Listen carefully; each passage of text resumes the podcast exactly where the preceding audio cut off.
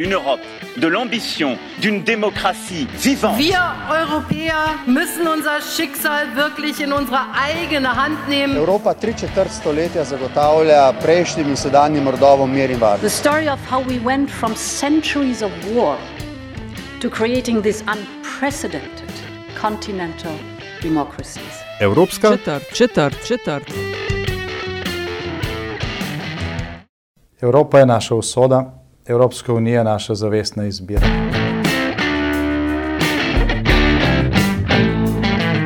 Spoštovane in cenjeni, dobrodošli v podkastu Evropska četrt, podkastu o vsem, kar vas bo zanimalo o Evropski uniji, pa niste vedeli, koga vprašati.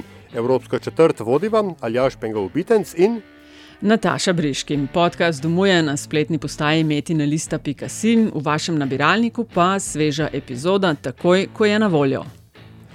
1. julija letos Slovenija, drugič odkar je vstopila v Evropsko unijo, prevzema predsedovanje svetu Evropske unije. Leta 2008 je bilo to cela reč, ampak kako bo s tem letos? Vmes je svet dobil stalnega predsednika, trenutno je to nekdanji belgijski premijer, liberalec Charles Michel. Nataša, najne poslušalce in tudi mene, priznam, pa seveda zanima, ali je to še tako glamorozna reč, kot je nekoč bila, ali gre, kot mislim sam, samo še za glorificirano tajniško delo. Ja, in danes bo Aljaš z gostjo odgovarjala na vprašanje poslušalca Jana, ki ga je zanimalo, ali je predsedovanje danes kaj drugačno kot leta 2008, zakaj je drugačno, kaj so glavne razlike in kaj je enako. Ne? In odgovor, odgovore nama bo pomagala iskati in postaviti v kontekst doktorica Sabina Kajnč Lange. Sabina, živijo. Živijo. Pred kakšnimi tremi leti, če se ne motim, smo že debatirali takrat v Evropski četrti no, in takrat o krčanju Evropskega parlamenta, se pravi danes pa o predsedovanju svetu EU, preden se zalažem, zakopljemo v detajle. Sabina, lahko za tiste, ki te ne poznajo, samo poveš, s čim se ukvarjaš. Um, jaz delam na EIPA, Evropskem inštitutu za javno upravo v Maastrichtu. Um, temeljna, temeljno delo, ki ga upravljamo, je poučevanje oziroma usposabljanje državnih uprav, javnih uprav v EU, pa tudi širše, uh, pa tudi privat, uh, v privat kontekstu, uh, za vse tiste, ki morajo sodelovati v odločevalskih procesih na ravni EU, torej kako za uspešno predstavljati svoje interese v EU. Mm, se pravi, da si, mislim, da učiš diplomate, diplomatke tudi. Um, kaj v zvezi s samim predsedovanjem, verjetno, kako razumeti, kako deluje? No, tako sem jaz začela po slovenskem predsedovanju, kjer sem imela precej srečo, da smo takrat še na FDV opravili en, eno evalvacijsko študijo predsedovanja. Iz tega je šlo kar nekaj objav, in potem sem se javila na en razpis za službo v Maastrichtu, in sem od takrat dalje v bistvu že. Uh, včasih se pohecam, da sem edina slovenka, ki več časa se ukvarja s predsedovanjem. Odlično, gastarbajterka, pravi na pravi naslov sva poklicala. No, zdaj pa pojmo kar k temu vprašanju poslušalca.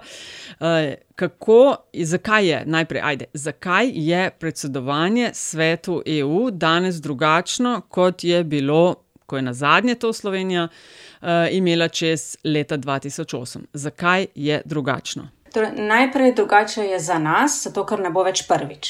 Ne? To je ključna razlika, da ko je prvič, je ogromno neznanega.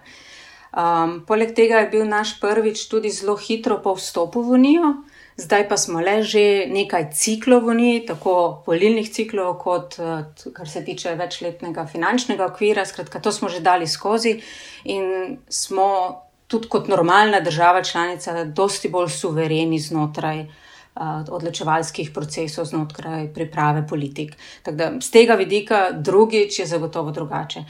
Um, je pa drugače tudi zato, ker se je vmes spremenil, kmalo po našem predsedovanju, zelo spremenil institucionalni okvir, v katerem uh, zdaj država predseduje. Zdaj še vedno se predseduje svetu, se pa več ne predseduje Evropskemu svetu, tale najvišji delček inštitucije, v kateri je bilo najlažje lansirati politične inicijative, pa tudi tista, ki je bila najbolj vidna, je sedaj v rokah um, stalnega uh, predsednika. Skratka, predsedovanje na ravni premijejev oziroma predsednikov držav um, ni več v rokah tiste države, ki predseduje svetu.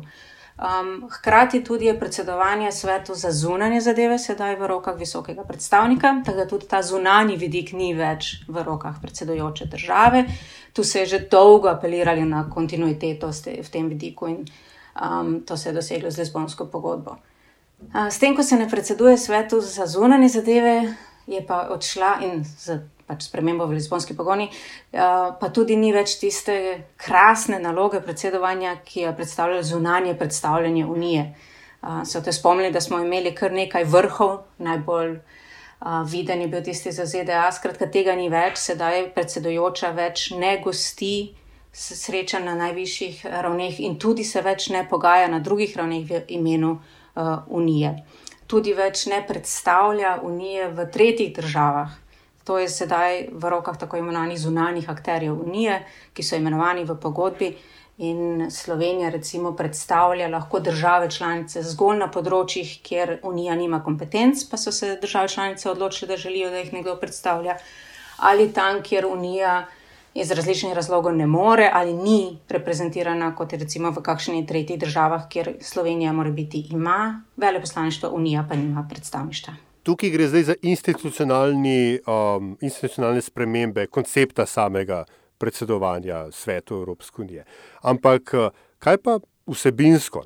Pač Slovenija je takrat uh, iz političnih, pa prestižnih, pa tako dalje razlogov, in seveda bili smo ponosni, kot, kot si rekla, bilo je prvič in zelo hitro postopal in tako dalje. Uh, Um, ampak nekako je bil pač ta ne, podton, da sej so bili pred nami, pa za nami sta bili dve velike državi. Koliko smo imeli mi, recimo, vsebinsko leta 2008 pri oblikovanju prioritet predsedovanja in kako to poteka danes? Torej, če najprej zaključim, uh, kaj pa je ostalo, oziroma še se je povečalo. Ne? ne, ne, se lepo nadaljuje, ampak prej sem povedala, česa ni več, ne? ampak nekaj pa je nadomestilo zdaj ta manjko. Ne? In to je tudi ne institucionalna sprememba v pogodbi z Lizbone, ampak sprememba. Um, z vidika vloge Evropskega parlamenta v zakonodajnem postopku. Zdaj, predsedujoča še vedno predseduje svetu in še vedno predstavlja svet na vzven. Ampak to predstavljanje na vzven je zdaj eufemizem, tu gre za dejansko pogajanja z Evropskim parlamentom v zakonodajnih postopkih. Um, Lizbonska pogodba je povečala pristojnost parlamenta oziroma upetost parlamenta v normalni redni zakonodajni postopek. Uh, v tolikšni meri, da zdaj skoraj, mislim, da 90 ali 91 odstotkov vseh zakonodajnih postopkov poteka po postopku, kjer se na koncu svet in parlament morata strinjati. In tukaj je predsedujoča tista, ki mora najprej doseči strinjanje v svetu, potem pa doseči, da se parlament strinja s tem, kar je čim bliže temu, kar so se v svetu strinjali, da se na koncu lahko obe podpišete pod isti tekst. In glede na politično situacijo v Evropi, glede na 27 držav članic v svetu in glede na kar težko konstelacijo političnih sil v parlamentu, to ni malo delo. Tak, to bi rada poudarila. Zdaj pa agenda. Uh, res se je ča, od časa 2008 do zdaj, um, bom rekla, tudi strukturirala ali pa konsolidirala, konsolidiral proces postavljanja agende uh, na ravni EU. To pomeni, da je vedno manj prostora za, bom rekla, neke nove ideje. Um, tudi manj prostora z, ali pa možnosti, da se odloči, da nečesa pa ne boš delal. Torej, tudi negativni vidik je manj uh, možen.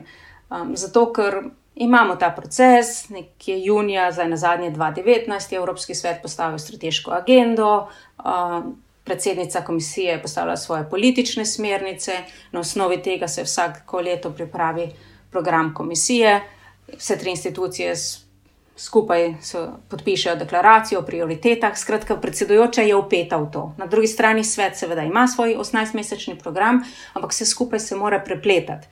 Tako da prostora še je, je pa treba biti dosti bolj strateški. Treba je misliti dosti prej, ker je teh dokumentov in usmeritev um, precej in so nekje na, na petletni ravni zdaj. To pa ne pomeni, da ne moreš ti začeti nečesa ta, da ti začneš postopek, da nekaj tako uh, evropeiziraš, da nekaj, kar se Sloveniji zdi pomembno, spraviš na agendo EU, uh, to je pa še vedno možno. Samo ne več na ravni Evropskega sveta, ampak samo na ravni sveta. Se pravi, da je kup stvari, ki so več ali manj že določene naprej, da je vpliv tiste države, ki predseduje precej manjši, kot je bil v prejšnji verziji uh, predsedovanja, kar nekaj razlik, um, nekaj malega podobnega. A lahko poveš še um, nekaj na temo, ne vem, kako države organizirajo samo predsedovanje? Ne?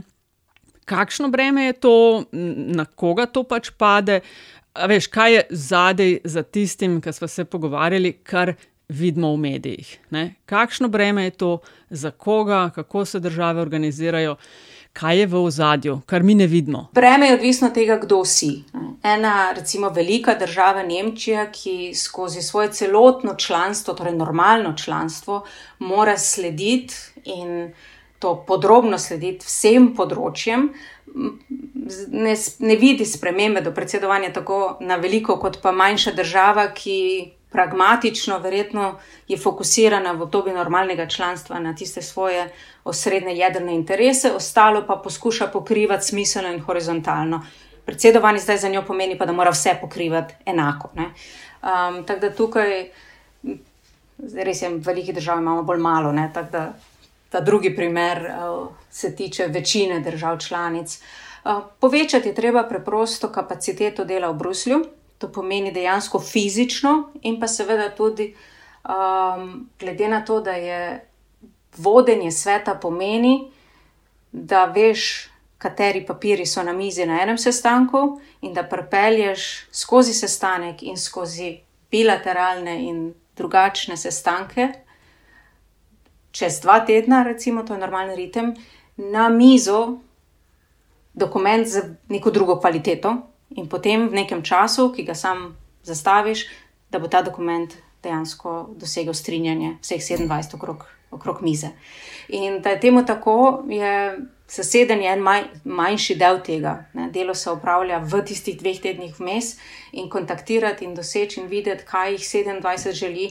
To zahteva včasih več kot enega človeka. Tako da fizično je treba, sigurno, povečati eh, prisotnost v v Bruslju, hkrati pa tudi, eh, seveda, doma morajo normalno peljati vsi ostali procesi, nekdo pa še mora malo tudi gledati na te povečane interese uh, in, in um, prisotnost na ostalih področjih, ki recimo do sedaj jih nismo toliko sledili.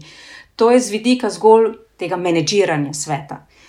Pol z vidika lansiranja nekih političnih inicijativ, torej agende, tega, kaj si mi želimo, ali si želimo iti v neko smer ali v drugo smer, ali želimo začeti nekaj novega, želimo mogoče zaključiti nekaj, ali pa želimo nekaj upočasniti. No, to pa zahteva še več eh, strateških razmislekov in to je ta organizacija, ki se dogaja na, eh, na ravni organizacije programa že prej in tukaj sodeluje stalno predstavništvo in pa koordinacijska telesa v, v, v Ljubljani, v našem primeru. Potem pa so še seveda podporne aktivnosti, ki skrbijo za to, da tisto, kar mi želimo narediti, dosežemo s tem, da ustvarimo prijetno vzdušje, prijetno atmosfero um, in da hkrati uh, dodamo tudi vse tiste ostale uh, naloge predsedujoče, ki za Lizbono se niso ukinile, to je tudi simbolna vloga predsedujoče. Pred, imamo predsedujoče na šest mesecev zato, da se simbolno pokaže v svetu, da so vse države članice enake pa tudi zato, da se vsi vsake toliko malo bolj spoznamo. Ena, ki se bolj trudi, da spozna druge, in druge, ki dobijo priložnost, da spoznajo to. Kar je v času COVID-a, Sabina, je to, kaj um, ta ritem, verjeten, kar precej drugačen. Ja, z tega vidika mislim, da je zelo težko. Ne? Zadnjih nekaj predsedujočih je kar utrpelo tukaj. Uh, mislim, da Hrvati so bili res uh, absolutna žrtev v prvem v prvem valu, ker niti približno niso mogli biti pripravljeni na to. Uh, pri Nemcih, bom rekla, je šlo malo drugače, uh, pa tudi ta vidik. Ne, za Nemce ni šlo za prvo predsedovanje, ne, ta vidik, da nas poznajo, ni bil tako pomemben. Uh, tudi pri nas je, je nekaj manj tega. No. Uh, pa se razume, da so to posebne okoliščine, ne, tu, ki so enake za vse. Tako da ni, ni to, da bi samo ena država ne zmogla. Ne. Um, in tudi ta vidik, da se rečemo, je, se je že zmanjševalo tudi precej teh aktivnosti v sami državi predsedujoči že prej. Recimo Finska je odpovedala darila. Tako tak, da bom rekla, ni tako drastično in dramatično, mislim pa, da se bo vseeno vrnilo v času, ko bo možno iti uh, v državo predsedujočo, bodo kmetijski ministri imeli sigurno spet normalne, neformalne sestanke z najboljšim, kar država nudi. Um, zdaj, če te prav uh, razumem, se je vsebinsko ne, ta agenda, da tako rečem, je v bistvu že postavljena za, za prihajajoče predsedovanje. Pred nami je bila Portugalska, zdaj bomo mi, oziroma zdaj, zdaj je Portugalska, potem julija pridemo mi, za nami Francija. Um, koliko ima tukaj um, slovenska vlada, ne, ki bo to predsedovanje vodila, koliko ima sploh manevrskega prostora za te stvari, kot si rekla, um, zač začeti kakšne nove teme, debate, projekte, ne, smeri, usmeritve? Zdaj, danes. Je, če začnejo danes, so možnosti zelo omejene, ampak niso začeli danes. Um, tako svet, kot komisija, parlament in na zadnje Slovenija je pogledala na koledar že nekaj let nazaj in vedela, da če želim jaz v času mojega predsedovanja narediti to, pa to. In potem greš nazaj in planiraš, in vidiš. In veš, da komisija rabi v povprečju 18 mesecev, da pripravi zakonodajni predlog in potem nekje v povprečju, govorim povprečju, traja še 18 mesecev, da ta doseže konec. Zdaj, odvisno, kdo sem. Ali sem država, ki želim začeti pogajanja in jih usmeriti v neko smer, bom mogoče začela delati na tem, da sem prva, ki pogaja to. Če sem država, ki absolutno ne želim tega. Bom pač poskrbela, da to naredim počasi, ko pride na mojo mizo. Če sem država, ki želim hitro zaključiti, bom dala komisiji jasno vedeti, da sem jaz njena najboljša šansa, da to lansira tako, da bom jaz zaključila. Da to govorim na splošno, pa vsak dosje ima pač ene svoje lastnosti in vsak vidi, kje, kje lahko več in kje lahko ne. ne. Ampak država. Oprosti, moje vprašanje se bo bolj nanašalo na, na tisto, kar pričakujem, domnevam, da se bo pač dogajalo v Sloveniji, ne? da se bo cel kup drugih akterjev, ki se bo zbudila, rekla: O, glej, mi pa zdaj predsedujemo Evropski komisiji, hej, oprosti, Svet Evropske unije, hej, vlada, vi bi morali pa zdaj to pa to narediti. Za, za te zgodbe je zdaj absolutno prepozno. To sem hotel vprašati. Zdaj, danes je, jaz mislim, da tu je prostor še recimo za nekaj aktualnega. Ne? Se, se, se pusti prostor, ne moreš zabetonirati vsega, moraš biti fleksibilen. Um, in recimo, fleksibilne ostajajo precej dolgo, um, ostajajo dnevni redi neformalnih srečanj, na katerih se lahko kaj predstavi. Imaš ti lahko eno idejo, kaj bi jaz si želel predstaviti na mojem neformalnem srečanju transportnih ministrov, mhm. ampak lahko pa da me prepriča nekdo v nekaj drugega in še ima možnost to spremeniti. Ker ne na zadnje neformalni ministri bodo imeli en sestanek, v katerem se bo nekaj predstavilo in katerega rezultat bo kvečemo press release predsedojoče. Uh, ampak potem pa lahko jaz počasi začnem delati na tem, da čez leto pa pol bo pa na mizi zakonodajni predlog na temo, ki sem jaz obravnavala na mojem neformalnem uh, srečanju. Tako da ta prostor bi rekla še je. Ni, ni, uh, ne vem pa koliko in kje. In uh, si znam predstavljati, da se ministri tudi in mičken uh, pogajajo med sabo, uh, kje je bolj zaprto, kje je več fleksibilnosti. Ja, mi v časopisih vidimo samo najbolj zanimive teme. Ne? V svetu je 150 delovnih skupin, to melje, to je en kup reči, ki se dogajajo in o katerih se pogaja in pogovarja. Um, 150 in... delovnih skupin. Ja, približno. Mm -hmm. wow. Čak, prej, si, ja, prej si omenila, da je treba ukrepiti tista država, ki bo ali pa je na planu za predsedovanje, da mora ukrepiti fizično prisotnost, da mora zelo dobro poznati materijo in delovanje, če želi biti uspešna ali pa celo spraviti kakšne.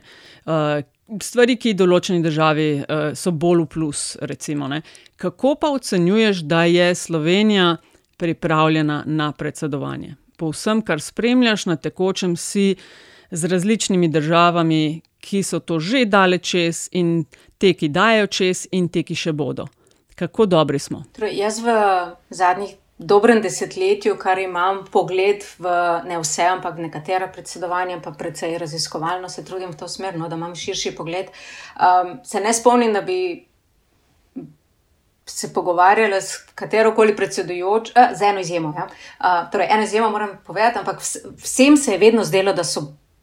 Priprave prepočasne, da zamujajo. Ne, to je nekaj klasičnega. Uh, da se vsem zdi, da zamujajo, vsaj eni deli priprav, večinoma tisti kadrovski. Kar se tiče priprav programa, to je ustaljen ritem. To, to, to mislim, da se določi točno 9 mesecev prej to, 5 mesecev prej to, 2 meseca prej tako, tako da te stvari so, so urejene. Ne? Ampak kadrovske priprave ponavadi um, so tiste, kjer vsi pravijo, da smo malo prepozni. Edino Estonija je bila tista, kjer sem jaz z več strani slišala, hvala Bogu, da smo začeli, um, zato ker so bili že tako pripravljeni.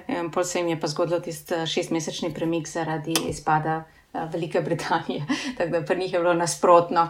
Po planu, več ali manj, če te prav razumem.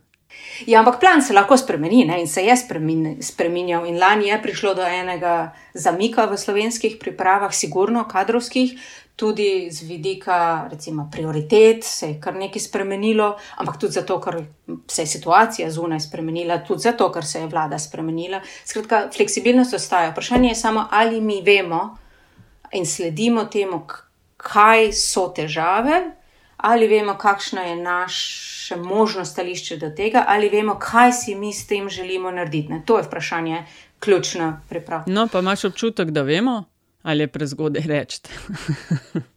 torej, zdaj smo že nekje sred marca, jaz mislim, da zdaj je že, se, se slika že zelo kristalizirana. Um, ampak je pa res, da so se teme od odzunaj tudi tako spremenile. Kot, kot ste sama rekla, predvsej agende je določene, tiste vidne, tiste, ki, ki je res v časopisih. Ne? In če tudi se nam zdi mogoče malo nenavadno, da se Slovenija tako ukvarja s kibernetsko varnostjo, ker če pogledate zadnjih 10-15 let, si ne bi mislili, da je Slovenija ravno ne, um, prva na področju kibernetske varnosti, ampak stvar je na agendi, izogniti se je ne moreš. Lahko vidiš, da si kot predsedujoča zelo dobro umeščen, da tu res lahko nekaj narediš vidiš, da je volja vseh okrog, da se ti nekaj naredi, kar pomeni, lahko računaš na pomoč, torej zajahaš ta val, si pustiš pomagati in pelješ. In vprašanje je tu zdaj, sam, ali zmoreš ta leadership tukaj. Mm -hmm. Tako da tukaj mislim, da smo zdaj, zdaj skočili na nekaj takih valov in. Uh, Mogoče ne, bo vsi, ne bojo vsi čisto uspešni, ampak to, da se prioriteta v zadnjem trenutku spremeni, še ne pomeni, da nisi bil pripravljen nujno. Eno, eno vprašanje še. Um, omenila si prej, um, da je ta odnos um, med um, svetom in parlamentom, ki ga menedžerira predsedujoča država, vedno bolj pomemben, ne, zaradi uh, vedno večje vloge zakonodajne Evropskega parlamenta. Uh, pa bom poskušal zelo splošno postaviti to vprašanje. Ne. Uh, če se zgodi, da je predsedujoča država reč, slabše zapisana pri nekaterih uh, političnih družinah v Evropskem parlamentu, uh, zaradi recimo očitkov o um, kršenju vladavine prava, svobode medijev in tako dalje. To, kar Ali, je primer Slovenija, hočeš reči, ne? Zadnje to, tedne. To, to si ti rekla, jaz tega ne bom komentiral, draga moja. Aha, seveda. Skratka, ali, ali to vpliva na um, to sodelovanje, oziroma ali lahko recimo parlament uh, zaradi tega. Kvot in kvot dela več problemov, kot bi jih sicer. Parlament ni homogen, uh, tako da tudi tam so razno razni interesi. Um, je pa dejstvo, da se to politično telo, zelo politično in tudi spolitizirano telo, um, ki čaka na neko ranljivost. In če odkrije takšno ranljivost, ali pa če se ji razkriješ z eno takšno ranljivostjo, jo bo znal zna verjetno nekdo izkoristiti. Um, mm. In če ta ranljivost se tiče zdaj pa nekih zelo osrednjih vrednot evropskih, torej ne nečesa, kar ni tako široko sprejeto, torej če se tiče nečesa osrednjega, potem je to lažje. Potem bo eh, koalicija v parlamentu, ki bo, bom rekla, ne naklonjena državi, lahko mal večja. Ne. Uh, ni pa zdaj računati na to, da bo vsak dosje za to spolitiziran, da, da bo v vsakem primeru vedno težje. Je pa možno, da bo ponekod oteženo pogajanje zaradi tega, ker bo skladu z lastnimi interesi parlament, kdorkoli bo že tam vodil, uh, ugotovil, da lahko igra na to randljivost in pač spremeni atmosfero, spremeni zahteve in tako naprej. Mm, Sabina, za predsedovanje leta 2008 je Slovenija dobila Eh, kar visoke ocene. Ne. Očitek, ki je sledil po predsedovanju, je bil, da so se porazgubili kadri, ki so bili takrat upeti, dodatno izobraženi, izkušeni, da se je s tem naredilo premalo ali nič, da je šlo vse v franže. Ne, um, a je uh, to tudi. Uh, tvoje videnje zadeve po predsedovanju 2.8, da se je s tem naredila škoda? Glede na to, da je bila takrat Slovenija še relativno mlada, nova, novejša država članica, um, bi bilo sigurno smiselno po takšnem. Uh, po hitrem izobraževanju več kadrov uh, imeti strategijo, kako jih čim več zadržati. Uh, hkrati je pa tudi res, da smo tako, pač imamo precej rigidno kadrovsko politiko v javni upravi, ne, to je ena mhm. ovira, uh -huh. druga je, da smo šli v krizo. Um, tretja pa je, da so se tudi spremenile naloge. Ne. Uh, dejansko ni več ne država članica, ne predsedujoča in sploh v času krize potrebovala določenih kadrov. Uh, če se spomnite Velike Britanije, ki je naenkrat ugotovila, da nima človeka, ki bi pogajal trgovinske sporazume. Te, to je nek naravni razvoj in ko si pač pragmatičen, vodiš javno upravo. Um, zreduciraš tam, kjer recimo ne rabiš. Ne? E, ravno na trgovini se je to tudi zgodilo pri nas. Um, sigurno je pa smiselno izkoristiti kadre, ki jih imaš, ni pa nujno, da jih moraš nujno vklopiti v svoj lasten sistem. Izkoriščanje kadrov pomeni tudi, da jih promoviraš izven svojega sistema, zato da ne, koristijo mm -hmm. tebi tudi druge. Tako da to je ta drugi del kadrovske politike, kjer mislim pa, da res nismo dovolj strateški. Ne. Da lahko širiš potem vpliv še v kakšnih drugih organizacijah. Dodajam še eno vprašanje temu, eh, Sabina, ker si sama omenila, da si deset intenzivno let vključena v stvari okrog predsedovanja in tako dalje. A si ti kaj angažirana v kakšnem projektu ali kakšni kapaciteti? Ja, Mina, uh, v, eh, bil je javni razpis za usposabljanje za predsedovanje, ki ga je izvedla. Ne vem, toč, kdo je točno nosilec ali uh, Akademija za javno pravo ali Ministrstvo za javno pravo. Uh, in mi smo se prijavili in izvajamo uh, pri, uh, izobraževanja in sicer priprave predsedujočih na predsedovanje delovnih skupin. Uh, oziroma priprave na predsedovanje v celotnem spektru sveta, to pomeni tudi ministrov. Ali imaš ti še kakšno vprašanje, če ne bi jaz še čist eno imela, kaj je od ne, ne, poslušalca? Kar izvoli, kar izvoli. Uh, Sabina tole še eno, poslušalec Jan, ki je spodbudil nastanek te epizode, ne, med drugim. Eh, pravi, da je njegov občutek, da je predsedovanje v bistvu zelo demokratična funkcija v EU, da pač vsi pridejo na vrsto in posledično izjemno protokolarna zadeva, o tem si nekaj že govorila. Eh, se pravi, zadeva, ki nudi vladajoči državi oziroma vladni koaliciji priljubljene bombončke pri voljivcih, piše v bistvu pa, da bruselska mašinerija dela dalje, ne glede na trenutno predsedujočega, pa da je pozicijo. Uh, citiram, mislim, uh, v navednicah naredil pomembno Janes Janša, zaradi tega, ker je edini politik, ki je doslej držal to funkcijo in bo zgleda tudi tako ostalo. Kako uh, ti komentiraš ta občutek poslušalca? Hmm, um, dve reči najprej. To je predsedovanje samo svetu. Države članice so v bruselskih institucijah reprezentirane v svetu in v Evropskem svetu in tu se predseduje svetu. Komisija, parlament in tako naprej so avtonomne institucije od sveta in to je ta specifika EU-ja za to, da imamo res uravnotežene institucije, uravnotežene interese in tako naprej, ker imamo pač države, ki so si zelo različne, nekje treba.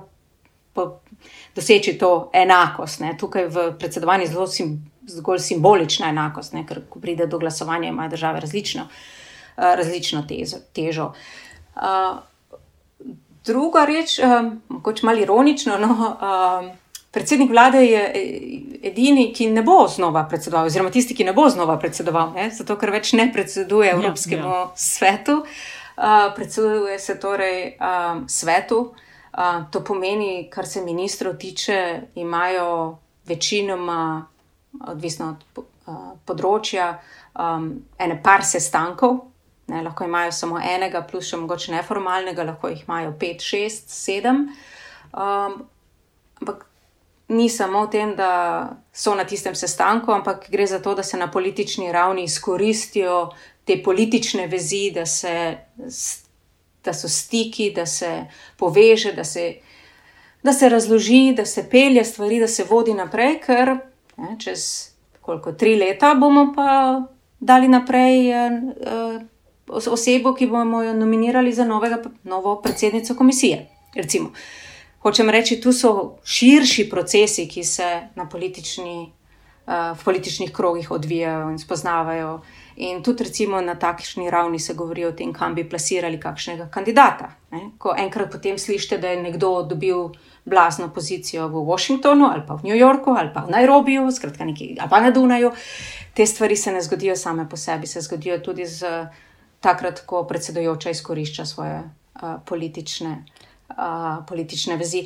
Pa če s tem lahko odgovorim, oziroma podam svoje mnenje glede na glorificirano tajniško delo, mislim, da je kar precej več. Ne? Ampak je precej tega na res na ravni diplomacije in skritega. In tu je vprašanje, ali narediš to uspešno ali ne. Speljati agendo, urediti sestanke, logistiko, operativo. Je zalogaj, ampak ni ne mogoče ga narediti. Ne. Ta strateški del speljati zelo smiselno, je, to je pa mal, mal bolj posebno. In ocena, da je tukaj pozitivno, ta, zato je te težje dati. Ne. Ker tudi ne veš, kaj so cilji na začetku, ker jih pač noben ne bo povedal. Ne. Se pravi, če zdaj poskušam ta naš eh, izjemno informativni in osebinski pogovor. Uh, ne bom rekel, ali stran, ampak zdaj, da ga karikiram zdaj v en stavek. Predsedovanje Svetu Evropske unije je zgolj obdobje med dvema pripravama na predsedovanje. A sem prav povzel? Hmm. Ne, jaz bi si želela in dejstvo je, da je vmes država, polnovredna država, članica, ki uh, seveda sooblikuje uh, in bi rekla, predsedovanje je samo tisto, ki ti da en, en dodaten zalet. Ne um, da spoznaš, da vidiš, da se spomniš tudi, kaj, zakaj si tam. Ne? Um, nekatere predsedujoče izkoristijo predsedovanje za popolno evropeizacijo ali pa obnovitev državne uprave. Um, Včasih se vprašaš, zakaj je treba pripravljati luksemburško državno upravo na predsedovanje. E, oh, jo je treba. O, zdaj si pristopila. jo je treba. Uh, sem se zdaj spomnila na nekaj. Ampak, uh, ne, ja, torej, jaz sem preživela kar nekaj lepih dni v Luksemburgu z te namene in um, je drugače, kot je bilo recimo v Bolgariji. Imajo um, mogoče drugačne vprašanja, ampak je vseeno um, pač neka, neka usvežitev uh, potrebna tako v Luksemburgu, kot v Berlinu, kot v Dublinu. Um, tor, ne bi pa rekla, da je priprava na drugo predsedovanje. Kvečemo, da je predsedovanje samo en, en dodaten uh, impuls za bit, biti boljša država članica, no? boljše zastopati svoje interese. To je moja definicija dobre države članice. Odlično, in ker je treba nekje pristaviti piko, je to le idealen trenutek, da to naredimo. Uh, doktorica Sabina Kajnčlanke, hvala lepa za uh, čas, ki si ga z tega namenili. Eh, nama in najnim poslušalcem. Hvala vam. Ja, hvala Sabina. To je bila torej Evropska četrt, 66. v podkastu Vesolju. Hvala za vašo pozornost, predlogi, mnenja, zelo dobrodošli in hvala tudi za pohvale in kritike, ki jih delite z nama. In dodatno hvala za investicije, ki jih namenjate razvoju in produkciji naših vsebin. In še um, klasični pristavek, avtor glasbene podlage je Peli iz podcasta Opravičujemo se za vse neušečnosti. Če vam je vsebina všeč, bo pomagalo, da naj jo najde še kdo, če naj jo ocenite pri vašem izbranem podcast ponudniku. Sicer pa hvala za vašo družbo in se slišimo spet k malu.